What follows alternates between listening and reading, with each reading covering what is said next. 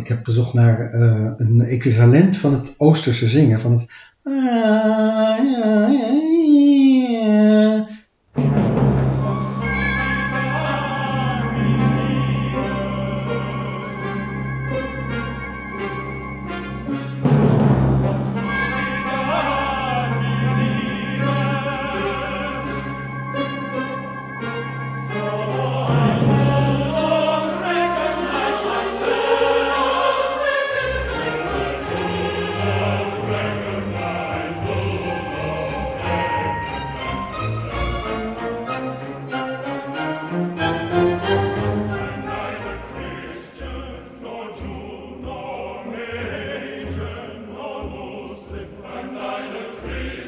Bij koor vind, als je erbij bent, dat is zo'n beleving. Je zit gewoon in de klank.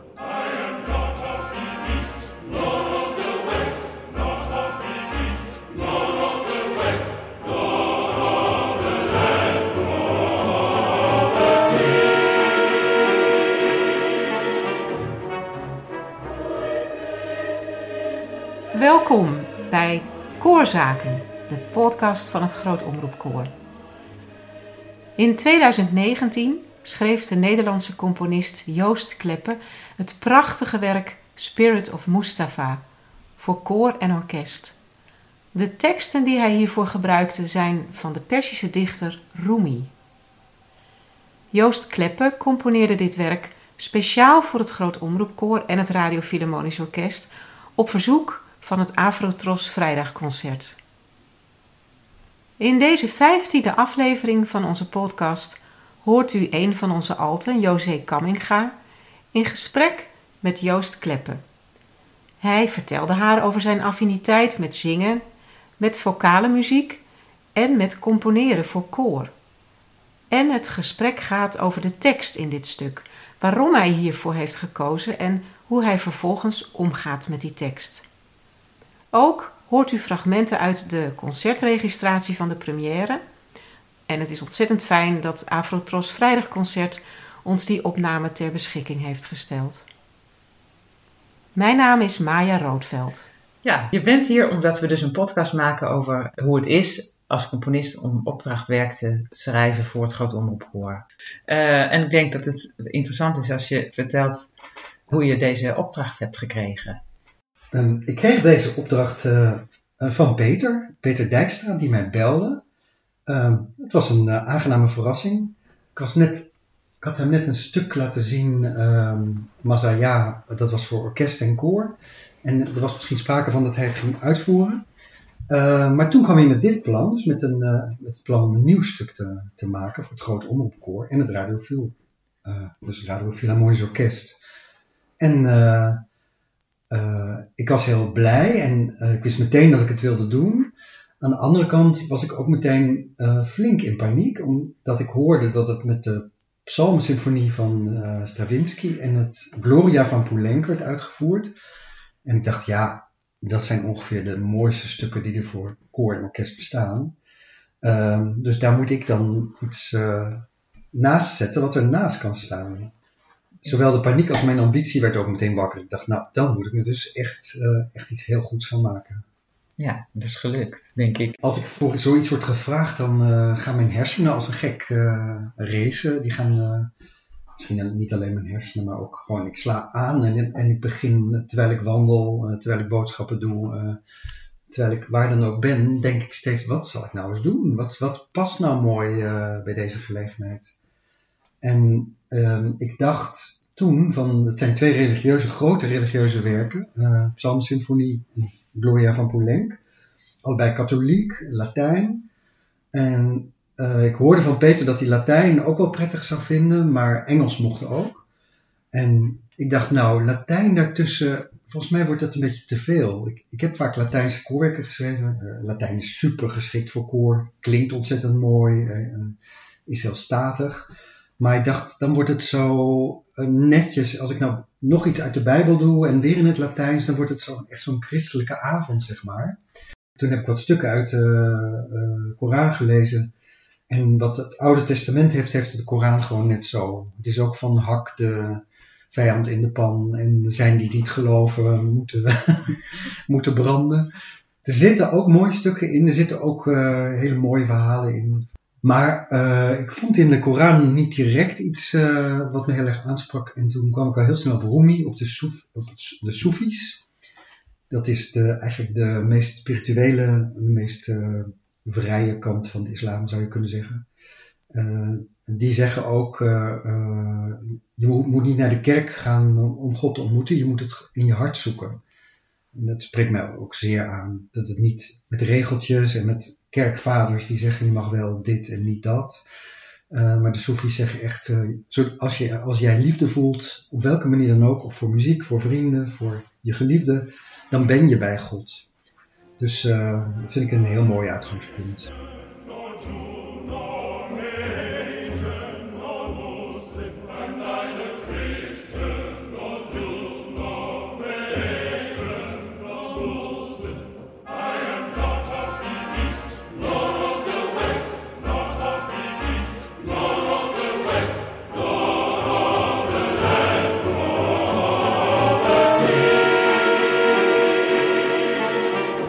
Rustig uh, teksten zoeken op internet. En uiteindelijk kwam ik met, uh, bij teksten die te maken hadden met zijn relatie met zijn uh, leraar Shams. Dat was een derwish. Die een, dat waren hele arme mensen die rondreisden, zwervende derwishen. En die waren eigenlijk los van de religie, waren zij ook een soort wijze. Maar dan veel woester dan de... Die, hij was daarvoor een heel hooglijk gerespecteerd geestelijk leider. Maar uh, Shams stelde hem een vraag en uh, hij viel toen van zijn ezel af. Gaat de mythe op het dorpsplein stelde die derwish hem een vraag. En toen viel Rumi van zijn ezel af van schrik omdat hij geen antwoord op die vraag wist. En sindsdien waren ze onafscheidelijk. En Shams is toen opeens vertrokken na een bepaalde tijd. En door dat gemis is Rumi opeens dichter geworden, wat hij daarvoor helemaal niet was. Toen is hij zoals een gek gaan dichten. Toen stroomde het uit hem. Juist door die wond, zeg maar, uh, die hij had, uh, is toen dat, is de, zijn gedichten ontstaan.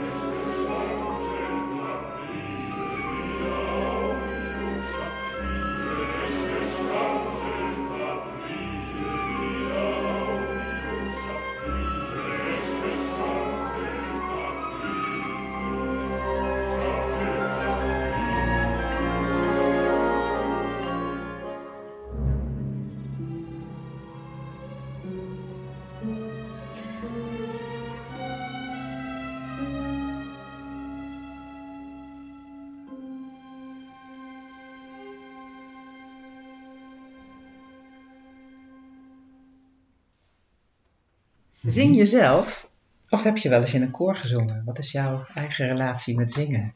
Ik zong al als op de lagere school heel graag. Dus zingen heb ik altijd gedaan. Um, ik heb nooit de ambitie gehad om zanger te worden.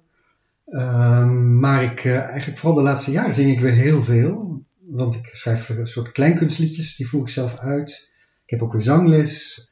Uh, ja, niets komt zo dichtbij. Het is een cliché, maar het is echt waar. Niets komt zo dichtbij als, uh, als zang, vind ik.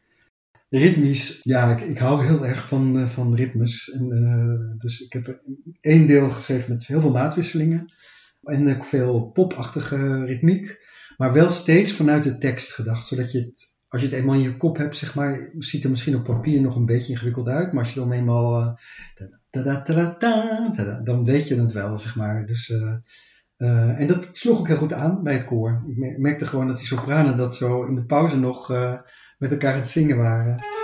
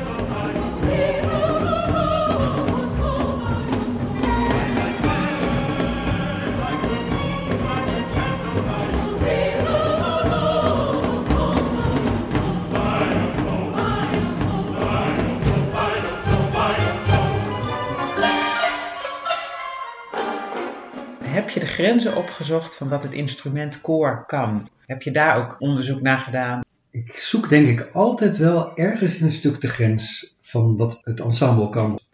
Aan de andere kant vind ik dat je dat niet alleen maar moet doen.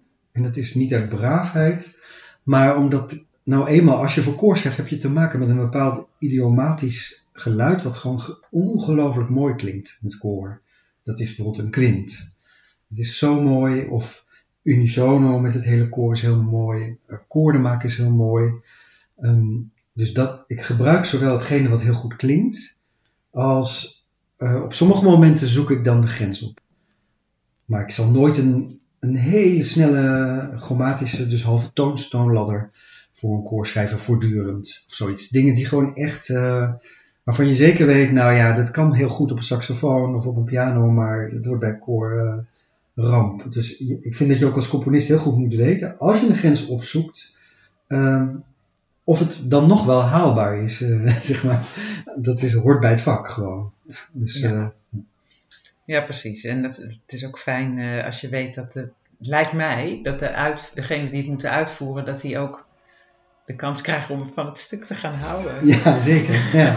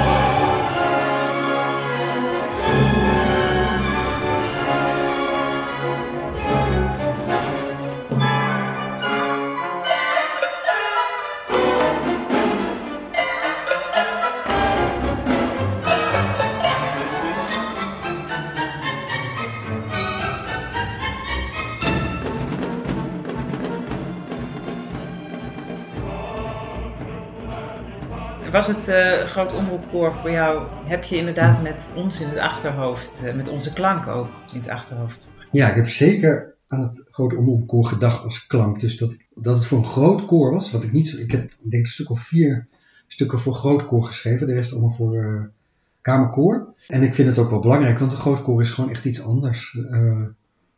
Je, je, denkt toch iets monumentaler, automatisch eigenlijk weer een beetje hetzelfde. Ik denk wel van, het moet echt geschikt zijn voor een groot omroepkoor.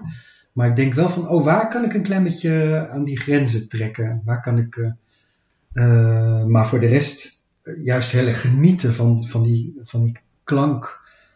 Wat ik ook bij koor vind, meer dan bij wat dan ook, bij orkest of wat dan ook, dat je als je erbij bent, dat is zo'n beleving. Je zit gewoon in de klank. Dat is het enige apparaat waar je dat echt hebt. Dat je zo, ja, die klankje helemaal omhult. En dat ook dingen opeens anders klinken dan ze ooit geklonken hebben.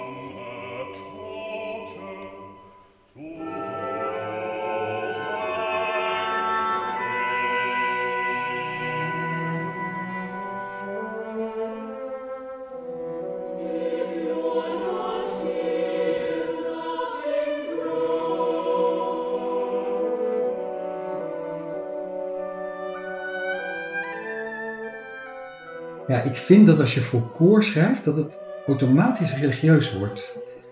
misschien ben ik ook zelf een beetje religieus geworden omdat ik voor koor ben gaan schrijven, gek genoeg. Want uh, zelfs al zou je iets heel uh, droogs met, met een koor zingen, bijvoorbeeld ik ga, deze, van, ik ga vanmiddag boodschappen doen bij de Albert Heijn. En je zou dat met een heel koor zingen, met zo'n groot omroepkoor, dan krijgt het iets van, dat is blijkbaar iets heel groots, iets, wat, wat, wat het individuele belang overstijgt. Of het is komisch, een van twee. Of je denkt van nou, dit is belachelijk. Maar uh, ik denk dat het altijd, als, als een groot koor zingt, dat het altijd iets krijgt van dit overstijgt het individuele.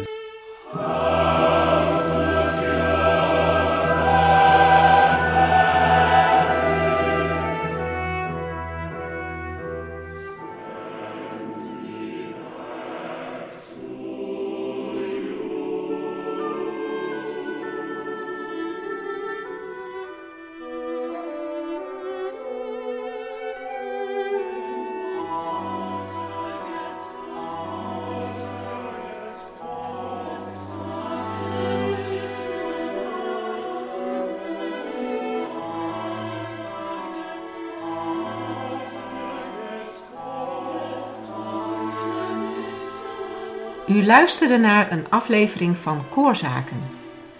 U hoorde José Kamminga in gesprek met Joost Kleppe over zijn compositie Spirit of Mustafa. Het Groot Omroepkoor en Radio Philharmonisch Orkest stonden tijdens de première op 8 november 2019 onder leiding van Peter Dijkstra.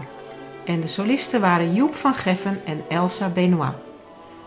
We danken het Afrotros Vrijdagconcert voor het beschikbaar stellen van de opname van dit concert. Koorzaken wordt gemaakt door zangers uit het Groot Omroepkoor. De opnames worden gemaakt door Allen Belk.